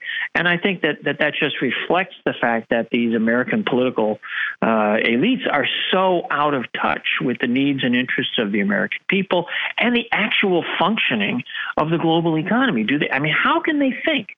That this kind of antagonism is a good thing, is a productive thing in the in the long run. It's really, it's really just you know kind of shooting themselves in both feet. I mean, it does make you wonder what is the end goal, right? I mean, again, this does, I, I understand that you can exist inside a, a bubble in Washington, D.C., I guess, and, and live in this echo chamber. And, and uh, you know, I, I guess the majority of people there really do believe this garbage, but there must be people who do not and who see this effort for for you know for the sort of vain hope that it is. And so then you think, all right, well, what is this? What is the game plan here? If you know that there is no shot of actually, you know, uh, stopping China from equaling or surpassing the United States in economic power and, and influence, and and you know that these uh, these sort of tech restrictions and these little these little hurdles are, are not going to do that. What are you doing then? Are you are you just buying time here or are you doing these things to you know as part of a package of uh, endeavors that involve ratcheting up tensions over taiwan so you can ultimately get into some kind of hot war and then hope that we've got a better chance at that and that's ultimately you know how we how we crush our rival i i don't know but i i do think like i think I don't know if you have any ideas here, because yeah, there doesn't seem to be an, an end game with these sort of uh, economic restrictions. Well, it's very interesting. Um, I, I don't know if it was yesterday or maybe maybe two days ago. I'm not sure, but um, Secretary of State Blinken um, uh, was was giving a talk, uh, sort of briefing on on things, and uh, or doing an interview, I guess it was. Um, and uh, uh, he was asked about about you know the the long term prospects and everything, and and he said some very interesting stuff, which kind of kind of surprised me. That he said that uh, you know uh, he was t- uh, he must have been in some meeting because he said I don't think in my lifetime or the lifetime of the people in this room that we're going to see we're going to reach the finish line in this competition. He says I don't see what the end result is, and it was a very frank statement that that you know uh, we're we're embarked on this endeavor and we're trying to do this, but it almost sounded like he kind of had a feeling of, uh, of of you know like like King Canute trying to hold back the tide, saying this is just not. We just don't know if we can overcome these, this this shifting reality, uh, but we're sure going to try to to mess it up as much as we can along the way. And and you know, I mean, the idea that that that even he could have an insight like this, that even he might have some sort of vague understanding that this is not uh, a reasonable and rational approach to to these these deep structural changes. Uh, I, don't know whether it is just trying to slow it down, trying to buy some time, trying to make as much along the way as we can out of it. But really, what it does is just generate antagonism, bad feelings. It leaves a it, it you know they're poison in the well in terms of our future in terms of and, and we have so many things so many fundamental existential crises that need to be addressed in terms of the climate and poverty and international you know movement and all this god shouldn't we be trying to work with everybody we can instead of pursuing this this ridiculous effort to hang on to to, to, to some fading glory. It's just, it, it's it, you do wonder what what is going on in their heads. But this was just a little a little window that maybe there is some some room for reflection in there somewhere. Mm -hmm. I also wanted to ask about this reporting from the last couple of weeks about the Wuhan Institute of Virology and the possibility that it was workers there who were indeed the first people to be sickened by COVID 19. So there was a, a bunch of headlines all of them, if you if you dug into them a little bit, were based on leaks from U.S. intelligence as to who these first patients were and what they had been working on. And a lot of these reports also said, yes, okay, you know, these are this is based on our sources, and pretty soon we're going to get this report from the Office of the Director of National Intelligence. It's going to have way more in it. The report arrived uh, a little while ago, and I don't think it says what they hoped it would say. It basically says, uh, I mean, I'll quote a little bit from it. It says several Wuhan Institute of Virology researchers were ill in fall 2019 with symptoms. Some of these symptoms were consistent with, but not diagnostic of COVID 19. The Chinese government took blood samples from these researchers in 2020. The Chinese government says they were all negative for COVID 19. And it concludes that while several of these researchers fell mildly ill in fall 2019, they experienced a range of symptoms consistent with colds or allergies. Uh, including symptoms not associated with COVID. And some of them were indeed confirmed to have been sick with other illnesses unrelated to COVID. While some of these researchers had historically conducted research into animal respiratory viruses, we are unable to confirm if any of them handled live viruses in the work they performed prior to falling ill. And now, of course, I am agnostic on the origins of COVID 19. I'm agnostic on the veracity of ODNI statements, frankly. I'll even be agnostic as to whether, you know, I'm not going to say, well, the Chinese government says it wasn't COVID, so it, it must be the case. But, you know, th this is a lot of nothing, right? And so I, I sort of wonder. I, I think there's probably more to be learned from this media storm about this report than the actual report. And I wanted to ask what you thought of the last couple weeks of, of COVID 19 bombshells. Well, this, you know, as ever, uh, and not just in terms of, of uh, you know, questions about, about COVID 19, but with so many you know things that are said about China. What what matters from from the the American side is the headline, exactly as you say. We get these headlines. People see the headlines. Uh, if they read the articles, you know they probably are not going to read them critically. They're they're you know because it's such a relentless campaign. It looks so familiar. It's like oh yeah, of course we know this. And then, you know, down in the body of the work, or perhaps in some later retraction or clarification, it'll turn out that that's not really what's going on at all, you know, and and we've seen this over and over again in so many areas. So yeah, we get this we get this report that says, uh, or we get this headline that says, oh, we expect this report may say that things are this way, and then it comes out and it doesn't say that at all. But the damage is done. The damage is done by the headline. So that's that's you know again we see that pattern over and over again in a wide variety of of, uh, of topics and issues. So I think that this this is just the latest ruffle in that in that sort of propaganda campaign. And you know the fact that you know this is uh, got to be deliberate on the part of these uh, intelligence agents who are who are you know passing this information along, and either deliberate or sort of like uh, unwittingly facilitated by the reporters they pass them to. You know, it reminds us of a. Uh, it reminds me a little bit of of RussiaGate. It reminds me of um, just how uh, just how our media sort of fails fails us in not sort of looking into this and not sort of bringing some more skepticism uh, to this work. Well, absolutely. I mean, all we have to do is think back to uh, Colin Powell at the UN talking about uh, weapons of mass destruction in Iraq. You know that you know these these intelligence assessments, these these reports about intelligence assessments, or these characterizations of intelligence assessments by political actors, you know, they they say what they want to say. Uh, and and if anybody ever digs into to the the nuts and the bolts, you know, it may turn out to be completely different. But that doesn't matter because they get the soundbite, they get the headline, they get the picture, you know, and and that's that's the goal, that's the objective. These are political moves uh, designed to advance a political agenda. This isn't some you know objective and an analytical process. This is this is all tied to this this macro policy of trying to to demonize China, thwart its development in order to maintain the the, the preeminent position of the United States. That was Professor of East Asian and Global History, Dr. Kenneth Hammond. Uh, Dr. Hammond, I know you've got a new book out. You want to tell our listeners uh, what it's called and where they can find it? Sure. The book is uh, uh, uh China's Revolution and the Quest for a Socialist Future. And it is available. Uh, you can order it. They will be happy to send it to you from 1804 Books. Uh, and I believe their site is 1804books.com. Uh, but if you just Google 1804 Books, you'll get to them. Dr. Hammond, thank you so much. Really appreciate it. Very glad to have had the talk. I know we have our next guest on the line, and I want to talk about psychedelic drugs, the FDA, and marijuana. I know you've been kicking this around for weeks now.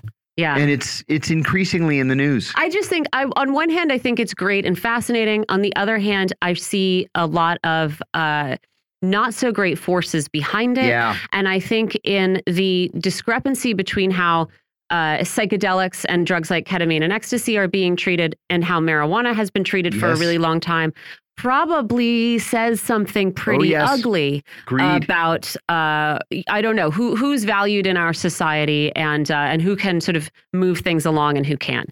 Uh, we're going to have this conversation with Mike Liszewski. He's an attorney who spent a decade lobbying on behalf of several marijuana reform organizations.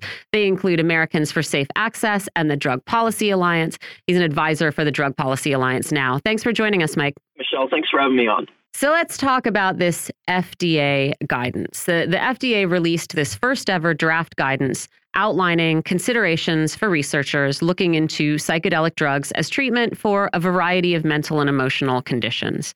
They include guidance on how to collect data, how to ensure subject safety, and they generally, uh, I would think, indicate that this is a field of study that is going to be taken seriously by the government or at least that the government wants to catch up with the market, right? Because in the private sector, people have been using and investigating these drugs for some time now uh, without much government oversight. And so I kind of want to start there and ask whether it makes any difference whether the FDA is issuing this guidance because government researchers have decided psychedelics have important benefits or just because people are trying to sell you ketamine on Instagram and they want to get in and like kind of make sure make sure everything's okay. Yeah, so you know, I think a lot of that uh, skepticism uh, you, you, put out there is, is really healthy, and um, uh, it, it, it's it's in the ballpark. Uh, just to be clear, uh, my association with the Drug Policy Alliance is with marijuana work. I don't uh, represent them on psychedelic stuff, but I have some experience with this with previous clients. Um, and the the statement that there's been no go- government oversight is actually um, uh, not accurate uh, because um, psychedelics like uh, MDMA, LSD, mushrooms, those are all currently Schedule One substances. In order to research a Schedule One substance, there is an enormous number of hoops you have to jump through. Uh, and uh, there's guidance, there's storage requirements. It really discourages a lot of research. Uh, and so for a long time, you've only had a really limited number of researchers actually doing FDA approved trials on these substances. The Multidisciplinary Association for Psychedelic Studies has really been the leader in this space.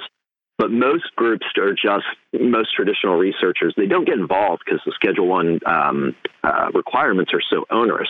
So what this guidance is doing is actually making it easier uh, to research, uh, or it's at least providing like the framework to say, here's how you can do it while it's still in Schedule One. Mm-hmm. Uh, so, in terms of you know it making it easier or more difficult, this is probably going to make it uh, easier. The reason, though, why they're probably doing this, and that's because they ultimately want to be able to uh, have FDA approved uh, drugs uh, that either have these components as ingredients or their derivatives, something along those lines, mm. or perhaps the substances themselves. And if that happens, then they get moved out of Schedule One. But they need to, you need to be able to do enough research to show that there's medical evidence. And so there's a bit of a paradox when something's in Schedule One, where it's it's difficult to research, but you have to research it to get it out of Schedule One. And so this guidance, um, in theory, could help um, you know, uh, alleviate some of that that conflict there. The problem is, uh, the, this is where the skepticism I think is on point.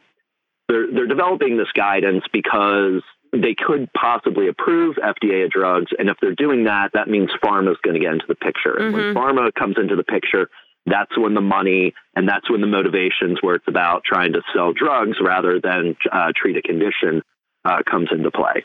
And can you talk a little bit about I mean, am I wrong in feeling like there is a very big discrepancy between how uh, this administration is treating marijuana and how it is treating, you know, research into psychedelics or applications for psychedelic drugs? Uh, so, eh, on the surface, it would it could appear that way, but um, if you may recall, back in October, President Biden signed a uh, a research bill. It was the first like uh, real uh, piece of legislation. When I say real, I mean just not like in a an appropriations rider. Uh, technical jargon. I'm sorry, but mm-hmm. yeah, this was like an actual bill to advance marijuana research. So they, have done that. Uh, and then also back in October, President Biden announced uh, the FDA is going to look into the schedule status of marijuana and do their analysis to recommend whether marijuana should be moved out of Schedule One. Mm-hmm. So they're in the process of doing that. So technically, they're actually probably a step ahead of where the psychedelic uh, guidelines are because the psychedelic guidelines are sort of a, a forerunner to being able to do that analysis to determine if it should still be in Schedule One. Can I say though? I mean, yes, there's been progress on marijuana, but you're you are talking about pretty different drug effects. You know what I mean? So, and so that's where I think it's like it's been such a struggle to get here with marijuana, which of course is a drug, like alcohol is a drug, and it makes you high, and you probably shouldn't operate heavy machinery when you, know what I mean? Like, of course, it, it impacts your body. It's not like LSD.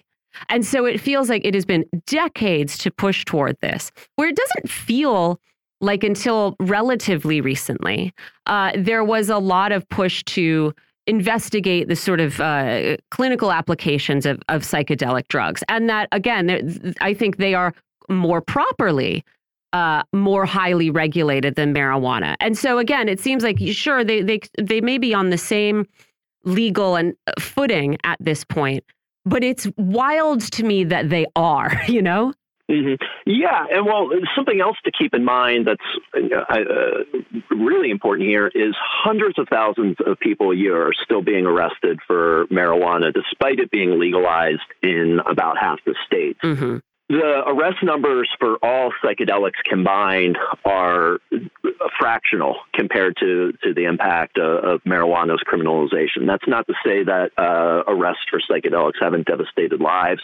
There's mandatory minimums with uh, LSD and some other substances. So there's some really harsh penalties at play but we haven't seen the war on drugs uh, waged uh, on psychedelics quite the way it's been waged uh, with marijuana, mm-hmm. and that's that's really where the administration is lagging behind. When I said the administration is arguably doing more on marijuana, it's really just with respect to research. Mm-hmm. And that's another aspect of this story, right? Uh, you have this story in the Wall Street Journal uh, earlier this week about how popular these psychedelic drugs are in Silicon Valley. It references Elon Musk and, and Sergey Brin of Alphabet as recreational users of these drugs. Elon Musk of you know Tesla and all these other companies. Uh, it says you know venture capital firms are throwing parties where people take psychedelics, and that routine drug use has moved from an after-hours activity squarely into corporate culture. Uh, and you know then what do we do if all of our all of our uh, workforce is, is using these drugs recreationally? Um, it also says investors are pouring funds into companies working to develop treatments with psychedelics. And again, you know, you are a, a, a veteran of these efforts to for the love of God, not ruin people's lives, uh, throwing them into jail for having a, a, half an ounce of weed or something. And I do wonder. I mean, again, it's not as though psychedelic drugs are new, or that the use of them is new, or that, as you say, that people have not been incarcerated for for possessing them or selling them or whatever. But it does feel like I don't know that maybe this process seems to be like it's moving faster because these sort of influential people like these drugs right? And this list of people is all white and they're in Silicon Valley. Yep, and the, there, you, there you go. That's what it is. I mean, really, that's what it feels like. Oh, okay. Like we're just gonna we're just gonna be on the front page of the Wall Street Journal taking ketamine for fun. Uh, because we're a bunch of white tech bros and we are not scary but we've got to drag our feet for decades and decades on on you know letting black people make money from selling marijuana legally. Yeah, that, I think that that's exactly it. I mean, we've the, marijuana became illegal because of uh, racist stereotypes that it was uh, causing uh, Mexican immigrants to be violent, that it was causing uh, blacks to become, uh, you know, to sexually assault white women, and so there's decades, uh, at least uh, even a century at this point, of all that racist loaded uh, imagery and um, uh, all that awfulness that's attached to marijuana, that stigma. You don't really have that with psychedelics. Psychedelics generally have been perceived as this sort of like thing that you know college white people do uh, for a limited period of time, and then they put it in their past, and no one. It doesn't. It just doesn't have that that same stigma. People might dismiss it in some ways, but they don't associate it with being this criminal uh, element. And so I think that that's one of the reasons why it's becoming uh, more accepted uh, so rapidly. Uh, you know, I think you know, there's some value in these tech bros normalizing it, uh, but they're also not the best representatives for its use Mhm. necessarily. Uh, one, you know, even even um, you know, give, put you know, giving them as mo- much deference as possible. They may be overselling its benefits. Mhm. And so, you know, th- that alone is, is one reason to be skeptical of, of their involvement. But yeah, a lot of this is just it's it's race. It's why you know we haven't seen any real progress with respect to uh, reform on cocaine or heroin or drugs that are perceived to be used by non-white people uh, or sold by non-white people. And so those are the ones that you know continue to lag behind in terms of any real reform. hmm I also want to talk about this in a in a public health context a little bit because um, you know you, you mentioned th this FDA guidance indicating that you know pretty soon big pharma is going to get in on this game, and uh, this to me is pretty understandable, right? There have been headlines for the past several years about the United States mental health crisis. We have diagnoses of depression and anxiety on the rise, especially among young people, but really across the board. And it seems pretty clear to me that people are very stressed out, people are very unwell, and people need help.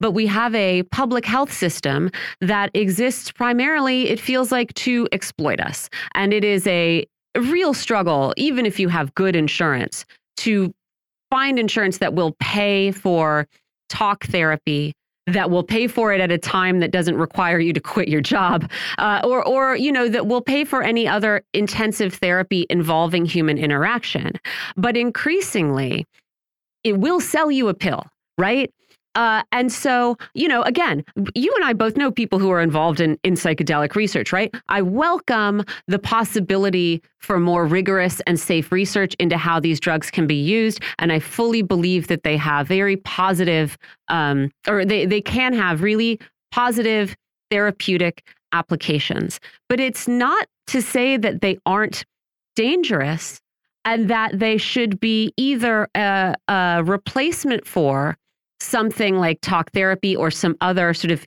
human on human therapies, or that they should, you know, that they can sort of safely necessarily be given to someone without any kind of supervision, right?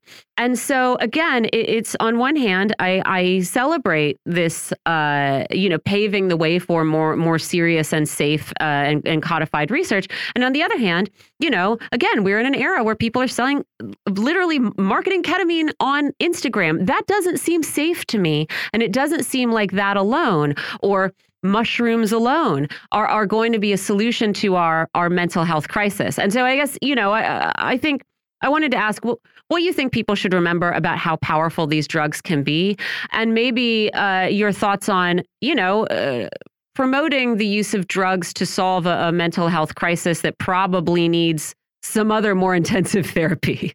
Yeah, well, so uh, I, I, I agree with a lot of that there, and I think you know the place I'd like to start is you know the number one indicator that someone is going to turn to a controlled substance is uh, that they have some sort of trauma in their life. So you know there's there's a very close association between substance use and trauma, and a lot of self medication is therapeutic on some level uh, that people engage in. Um, where, where the real problems start to creep in, and you, you hit right on it, it's the marketing. You know, drugs are tool. Drugs can, you know, and a tool can be helpful or it can be harmful. You know, you know, you can drive in a, a nail with a hammer, or you can hit yourself in the foot with it. You know, it's like there's, um, there's, yeah. So the the real problem is when it comes to the marketing. And you know, if you look back to the opioid crisis, um, that's I think a prime example of that. Opioids uh, so like um, uh, OxyContin and fentanyl are, are, wonderful substances for what they're supposed to do. They are great at, at uh, per uh, uh, very severe pain. They are not supposed to be used for long-term chronic pain management, uh, and that's what. But that's how they were marketed, and that's how we got the crisis. So. The, the concern, I think, is when the marketing comes into the equation. I think there's a lot of potential for uh, psychedelic therapy to provide a lot of benefit. On the outset, it looks like it probably doesn't have the same sort of risk profile that opioids have, but we we're not certain what the actual risks would be on a larger population. Now, MAPS is getting pretty close with that, especially with MDMA. They, I think they've gone through phase uh, three trials. Uh, so we're getting closer there. Um, but the, I think the real concern is when the marketing comes into play, because that's not about wellness. It's about making money. Yeah. And that's about is selling as many of their product, as much of their product as they possibly can. And if we are looking at a real shift in how these drugs are researched, uh, how they are viewed, even how they are used, uh, I'm curious what what some of the people and organizations like MAPS who've been in this game for a while have to say about it, and whether they are going to continue to to be at the forefront, right? Or or are they kind of going to be leapfrog? You know, it's sort of what we saw with marijuana. All of a sudden, uh, when that is uh, when that becomes you know more legal, uh, you you have a bunch of uh, big money industries able to sort of leapfrog over these. Uh, people who have been in the game in a small time way for a long time and with better uh, you know more resources able to sort of set themselves up and, and profit ahead of people who have been working toward it for a while i'm not sure that i would predict that for psychedelics because it seems like a really different game. But I did want to ask, uh, you know, what what's been the reaction from some of these people who've been doing this for a while, and do they are they confident that they're going to, you know, be able to maintain a a, a role in what happens next? Yeah, I think there's probably a wide range of opinions there. I, I won't uh, hazard a guess as to how a particular organization uh, feels, but I think that there's there's a lot of mixed feelings and probably some people that lean very hard one way or the other uh, in terms of the, the potential uh, benefits in, uh, for you know wellness uh, versus the, the skepticism as to the, the marketing and, and what, what that can uh, do um, in this area and what harms that, that that can bring. I think that, um, and then also in terms of the investment, like is this going to get stripped away from the people who've been doing the work uh, the longest? I think because uh, psychedelics tends to be more of a lab and therefore sort of more in the, the, the realm of pharma, whereas like marijuana, you know, it's grown in fields. Mm-hmm. I think that there's a little bit of like it's easier culturally for um, the the psychedelic researchers to you know aren't as quite as apprehensive to the um, the pharma world as the uh, um, marijuana advocates have been to the the marijuana industry. Uh, but again, uh, I think that the, there's probably a very wide range of opinions uh, in that movement and space. And finally, what would you hope to see next from this administration on marijuana? They, you know, there have been a few landmarks. What, what are you hoping for? So ideally, we would like to see the administration uh, remove marijuana from the Controlled Substances Act uh, and therefore remove most of the criminal penalties uh, associated uh, with marijuana. I think that that's incredibly unlikely to happen. So, what we would like to see the administration start doing is issuing more prosecutorial guidance to avoid harsh convictions, to end the deportation of uh, non citizens for marijuana conduct. The little known fact uh, that uh, you could be a non citizen legally here in the U.S. working at a marijuana dispensary. Uh, and you're you're subject to deportation because marijuana is still federally illegal, oh, even no. though you're working in a legal industry. Oh, so the God. administration could end doing that. They could end some of the um, uh, discrimination around benefits for uh, housing assistance and nutritional assistance. So there's all these things that they could do discretionary wise right now without even rescheduling marijuana to end some of these harms or to at least lessen the harms of marijuana prohibition. Uh, but ultimately, we hope the, the administration either supports uh, descheduling through this administrative review that they're doing or uh, uses their bully pulpit towards Congress to say, hey, you need to pass something to end uh, the war on marijuana. I hope so too. That would be great to see. That was attorney Mike Liszewski. He's an advisor to the Drug Policy Alliance on marijuana. Mike, thanks so much. I really appreciate it. Thanks for having me on, Michelle. All right, John. We got time for a few last headlines. We do. You want to shed a few tears for National Geographic? I've got a couple of things. We'll Mhm, start with National please. Geographic. National Geographic, which has been around for a very long time, more than a century. Oh, such a great magazine. Such a great magazine. They announced that they will lay off all of their remaining uh, journalists. So there will be no original reporting anymore. Oh, they're not even going to do like freelance st- original stuff? They'll have some freelancers, Mhm. but there will not be any such thing anymore as as a reporter working for National Geographic. Man, that's sad. Isn't that awful? yeah. The end of an era. They really did some great, you know, Yeah. great work.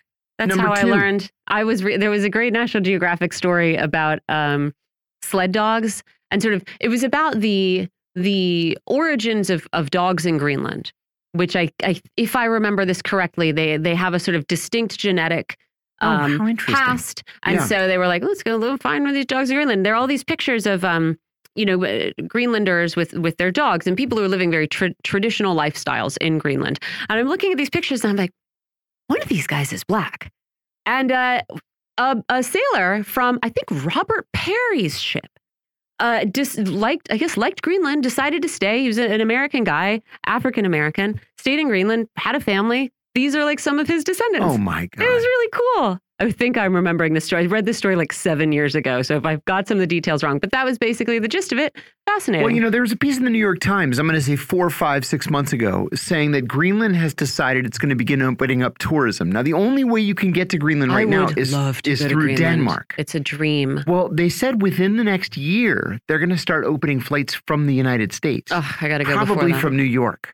Uh, I would totally do that. Let's go to Greenland, John. Yeah, that would be fun. That'd be really fun. I've gone to Iceland for the weekend. I've, I've It's been in the airport far. in Iceland. Yeah, it's nice. Very nice.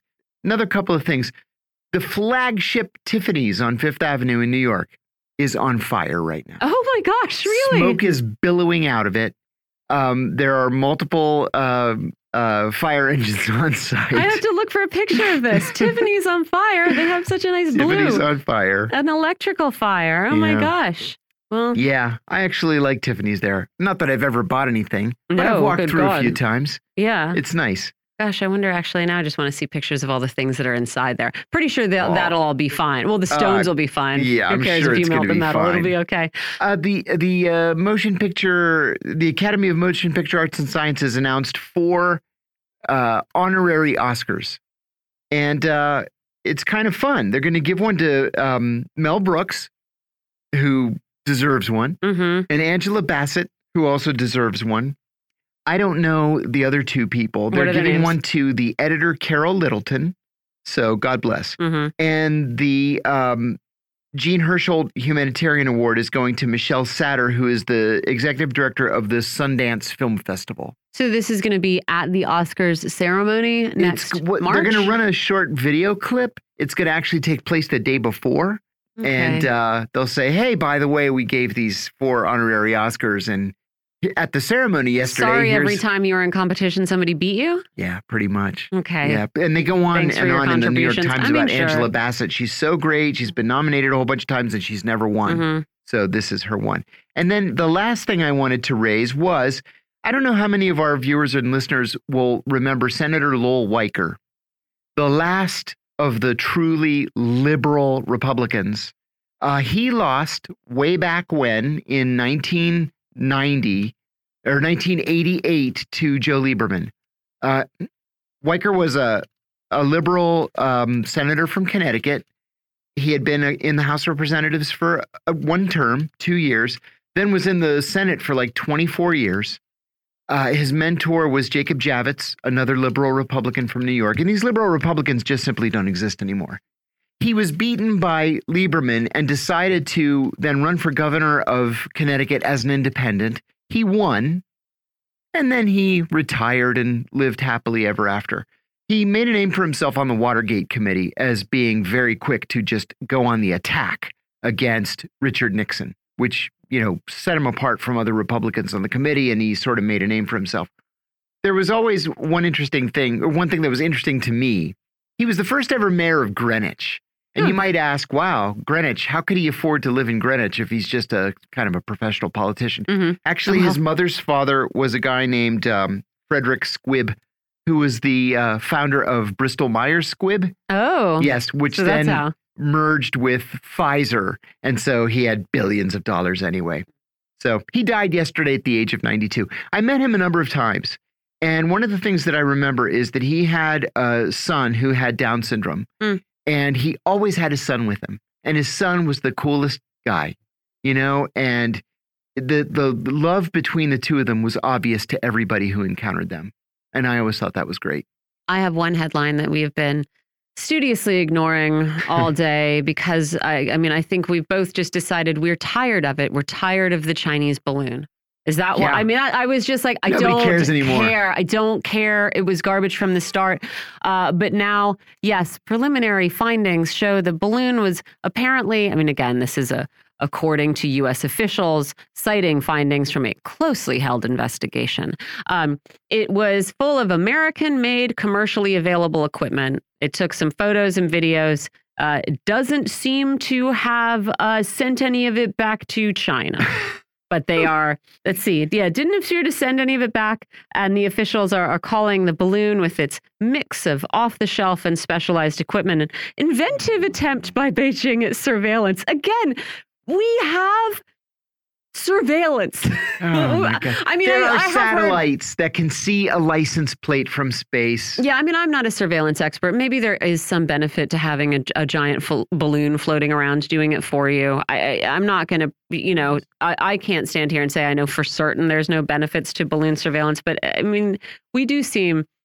I'm sure the Chinese have pretty pretty good surveillance capabilities already. Yeah. Why they're doing this sort of like uh, billion, you know, Titan, the Air Titan, this thing, sort of uh, Right. ad, ad hoc, uh, some specialized equipment, some off the shelf uh, Atari bits and pieces.